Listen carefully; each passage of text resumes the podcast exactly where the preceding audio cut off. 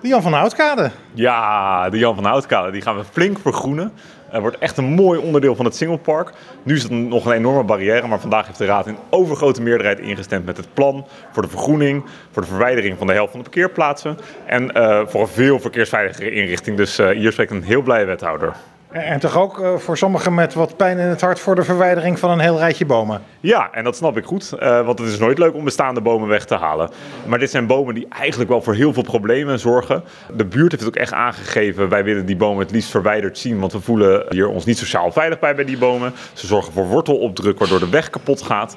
En ze hebben eigenlijk ook niet zoveel waarde voor de biodiversiteit.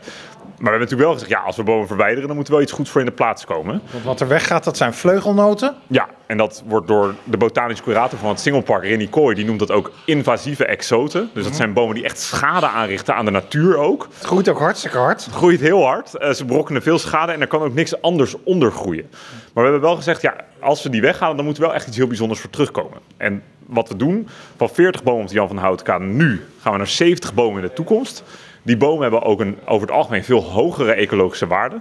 En er komt heel veel ruimte voor beplanting, voor oeverbeplanting. Ja, dus het geheel gaat er gewoon enorm op vooruit, zeker ook voor de natuur. De buurt heeft hier ook eh, flink over meegedacht. Hè? Is iedereen nou blij? Nou, wat heel gaaf is, is dit is eigenlijk echt een burgerinitiatief. Het is echt vanuit de stad zelf gekomen. Uh, we hoorden het al in de commissie, heel veel positieve insprekers. Dus over het algemeen is de buurt blij. Ja, en niet iedereen uh, is het overal mee eens. Hè. Uh, zo zijn er ook wel mensen die liever geen bushokje wilden op de Jan van Houtkade. Maar daarvan hebben we gezegd, ja, het is belangrijk dat iedereen goed met het OV kan reizen. En daar hoort ook een bushokje bij. Dus die bewoners zijn misschien wat minder blij. Maar over het algemeen is er hele grote vreugde over dit nieuwe plan. Ja, wanneer gaat die herinrichting dan beginnen? Die start volgend jaar al.